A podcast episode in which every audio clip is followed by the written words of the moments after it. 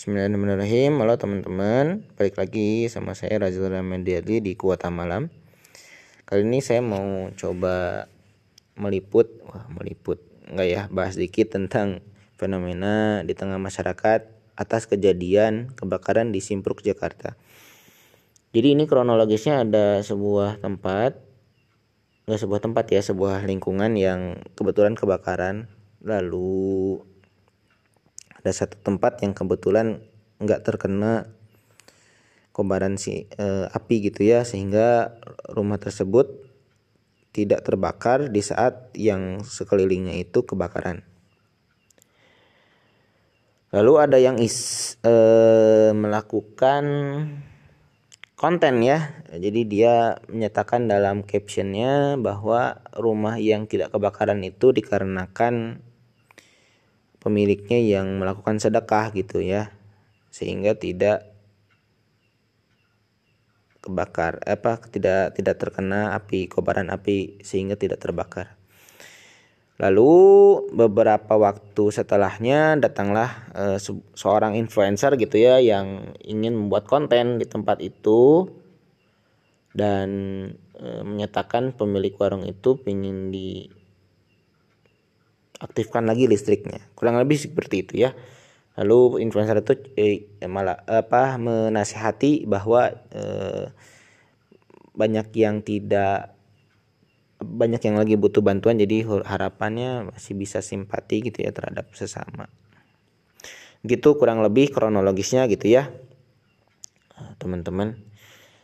Ada fenomena yang unik di mana eh, pada akhirnya dari kronologis yang ada eh, warga sekitar akhirnya men, eh, melakukan suatu hal yang tentu saja kurang menyenangkan juga. Jadi mereka akhirnya menyatakan bahwa coret-coret ada yang menuliskan eh, ST-nya mana lalala gitu ya dan itu baratin menyindir ke pemilik eh, warung yang tidak terbakar tadi juga menyanggahnya dengan kalimat saya belum pernah mendapatkan sedekah dari pemilik warung begitu ya. Dan berbagai macam hal yang uh, lainnya. Itu uh, lanjutan dari kronologis kebakaran tadi. Mari kita lihat dulu dari dua sisi uh, kronologis tadi ya mungkin dari pemiliknya dulu jadi kita bahas dari sisi pemiliknya bahwa pemilik ini kalau memang misalnya dia eh, punya kegiatan yang bagus dalam arti sedekah gitu ya, tentu saja ini juga nggak bisa diremehkan gitu ya amalannya. Cuman memang orang yang paling mengerti kita, orang yang paling tahu tentang diri kita adalah orang sekitar kita. Dan itu juga yang bisa mendeskripsikan siapa diri kita sesungguhnya. Contohnya misalnya, kalau misalnya kita dianggap orang baik, tentu saja orang yang paling berhak untuk me menentukan siapa diri kita orang baik itu adalah orang yang dekat dengan kita, entah itu keluarga gitu ya, entah itu teman. Dan tentu akan menyedihkan faktanya kalau misalnya teman kita tuh tahu orang ini baik itu dari orang lain gitu ya. Ketimbang dari temennya sendiri. Jadi pasti temannya ngerasa, "Loh kok lu baik ke orang lain, kok gue kayak kok nggak begitu gitu ya. Itu tentu, tentu saja fakta yang agak sedikit menyedihkan gitu ya. Makanya kalau teman-teman punya sisi kebaikan maka sebetulnya orang yang paling berhak untuk mendapatkan ke, e, kebaikan itu adalah tem orang yang berada di lingkungan teman-teman gitu ya. Itu sudah ada prioritasnya gitu ya. Bahkan dalam Al-Quran itu yang ada banyak Al-Quran tentang misalnya berbuat baik terhadap kerabat gitu ya dan juga ada bahkan hadisnya khairukum min ahli gitu. Sebaik-baik kalian adalah orang yang paling baik terhadap keluarga. Artinya apa? Prioritas terhadap keluarga atau orang terdekat dalam diri kita itu adalah prioritas yang paling eh, diutamakan ketimbang berbuat baik kepada orang lain. Jadi sebetulnya tanpa menafikan perbuatan sedekah itu baik tapi memang angka baiknya perbuatan tersebut sudah dilazimkan di lingkungannya. Sehingga kalimat bila orang lain berkata bahwa kita orang baik adalah yang bisa memvalidasi adalah orang-orang. Orang yang dalam lingkaran terdekat kita bisa memvalidasi hal tersebut. Gitu ya. Jadi kekurangannya enggak ya sebetulnya bukan kekurangan juga. Dalam arti ya memang prioritasnya perlu dikembalikan lagi ke pemilik gitu ya eh, saya juga agak sedih ngedengerin temen-temennya mungkin ngerasa bahwa ya belum mendapatkan sedekah ya ya bisa jadi memang mungkin bukan prioritas atau bagaimana gitu ya jadi perlu lihat beberapa sudut pandang dulu tapi lihat dari kacamata sederhana ya mungkin ya perbuatan itu bagus cuman emang perlu penguatan dari sisi orang terdekat dari diri kita gitu ya. ya semoga itu membantu. Walaupun memang dengan hadirnya konten kreator tadi ya influencer gitu ya, eh, itu sebetulnya agak sedikit memantik eh, sisi horizontal apa eh, konflik horizontal karena dia ngerasa bahwa ya eh, meninggikan fakta tentang eh, kronologis yang tidak terbakar gitu ya mungkin yang lainnya juga ngerasa tersulut karena ngerasa dibanding-bandingkan hmm. Itu yang ke pertama gitu ya jadi tentang sisi sisi eh, pemilik warung tadi yang tidak terbakar oleh api di saat rumah-rumah yang lain sekitarnya terbakar. Yang kedua adalah kita lihat sisi dari orang yang terdekatnya gitu ya dari lingkungannya.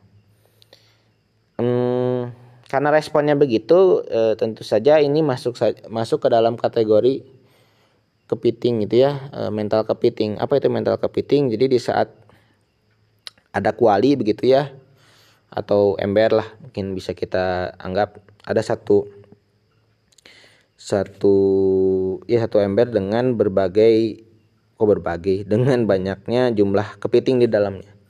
Kalau ada satu kepiting yang mulai keluar gitu ya, mau keluar dari dari ember, ten, e, kepiting yang lain akan mencapit sisi kepiting itu. Mungkin bukan karena sisinya bu, e, secara refleks gitu ya, karena kan mereka e, bergerak dengan kaki yang lebih kecil ketimbang capit mereka sehingga yang akan menggapai e, sisi luar dari ember itu adalah si, sisi capit mereka gitu ya.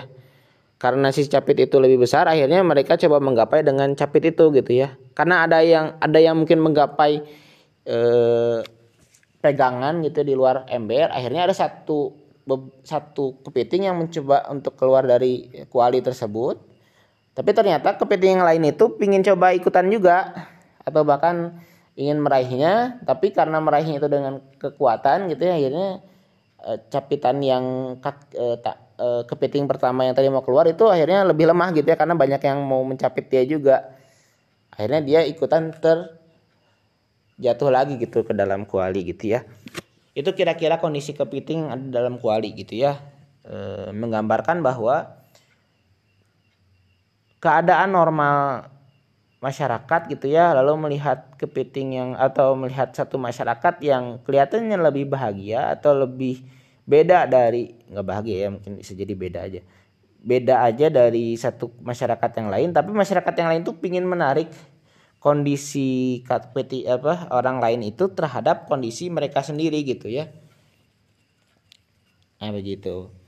Akhirnya apa? Kalau dalam kondisi ini ada satu ada satu lingkungan yang bahagia eh ada satu lingkungan yang kesul, sedang dalam kesulitan tidak mau melihat yang lainnya itu terhadap bahagia gitu ya. Dan sebetulnya hal ini adalah sebuah kekeliruan gitu ya. Kalau misalnya ada satu oh, bagian masyarakat yang bahagia di saat satu yang lainnya sedih sebetulnya bukanlah harus yang bukanlah harus eh, semuanya ikutan sedih gitu ya. Misalnya tadi warung yang ini tidak terbakar ya sebetulnya nggak harus kebakaran juga gitu. Itu adalah posisi posisi uh, sisi hal yang harus ya alhamdulillah gitu intinya bahwa ada satu rumah yang kebakar gitu. Harusnya itu jadi sebuah momen ah ini kita harus syukurin ada ada syukuri ada satu tempat yang nggak kebakar. Itu juga udah lebih cukup daripada uh, kita memaki-maki uh, ketimpangan yang ada gitu ya. Dan ketimpangan yang ada misalnya yang satu nggak kebakar yang lainnya kebakaran tidak menin, tidak menandakan yang satunya berkah yang satunya nggak berkah gitu. Misalnya yang kebakaran nggak berkah yang yang berdiri kokoh juga berkah gitu ya. Yang nggak dibandingkan juga gitu gitu. Nggak nggak serta merta bisa jadi memang ya karena ada amalan bisa jadi justru karena amalan yang lain menimbulkan yang ini kebakaran juga. Bisa juga gitu. Kenapa? Karena kita nggak tahu ada sisi takdir yang Allah takdirkan buat kita. Gitu. Eh, hal ini juga harus kita sikapi. Contohnya misalnya teman-teman kita ada yang dapat mobil gitu ya. Ya tentu tidak serta merta kita yang nggak punya mobil akhirnya menyimpulkan oh dia eh, dapat apa kenikmatan yang besar ketimbang kita. Ya belum tentu juga gitu. Ya tentu punya mobil itu ya ya tanggung jawabnya juga ada gitu. Misalnya ya bayar pajaknya lebih besar gitu ya. E, ya pajak tahunannya e, beban biayanya jauh lebih besar ketimbang nggak punya mobil. Itu implikasinya sebetulnya lebih singkat ketimbang nggak e, punya mobil. Pun juga misalnya teman kita ada yang misalnya melakukan umroh lalu kita nggak umroh ya bukan berarti kitanya eh, yang nggak umroh itu ya belum tentu nggak berkah juga. Bukan gitu cara mikirnya gitu. Ada juga misalnya teman kita yang udah nik, eh, lagi nikah atau udah nikah gitu ya terus dibandingkan dengan kita yang belum nikah gitu ya ya ya nggak nggak harus disamakan gitu. Nggak harus dibandingkan gitu ya. Kalau kata siapa tuh eh, penyanyi cilik tuh ojo banding banding kayak gitu. Ya nggak usah dibanding-bandingin juga gitu. Itu memperkuat sisi konflik horizontal gitu ya. Di antara masing-masing masyarakat dan itu tentu tidak bijak jika semak, eh, perbedaan tersebut makin di highlight gitu ya. E, begitu teman-teman tentang mental kepiting yang tentu harus kita hati-hati terhadapnya juga sifat banding-bandingkan kita yang tentu harus bijak untuk Eh, dilakukan. Jangan sampai serta merta menganggap sebuah ini tuh hal yang baik hal yang buruk itu langsung dalam sebuah keadaan gitu ya. Ya ambil yang baiknya eh, tapi juga jangan eh, apa namanya jangan menganggap semuanya ada keburukan lalu menganggap semuanya jadi buruk gitu. Itu juga perlu kita sikapi. Teman-teman gitu aja tentang fenomena kasus yang ada. Mungkin saya akan kasih judul eh, fenomena kepiting atau apa pun tentang eh, eh, kejadian ini. Eh, mungkin sekian teman-teman tanggapan saya tentang peristiwa ini. Semoga bisa ketemu di podcast selanjutnya. Sampai jumpa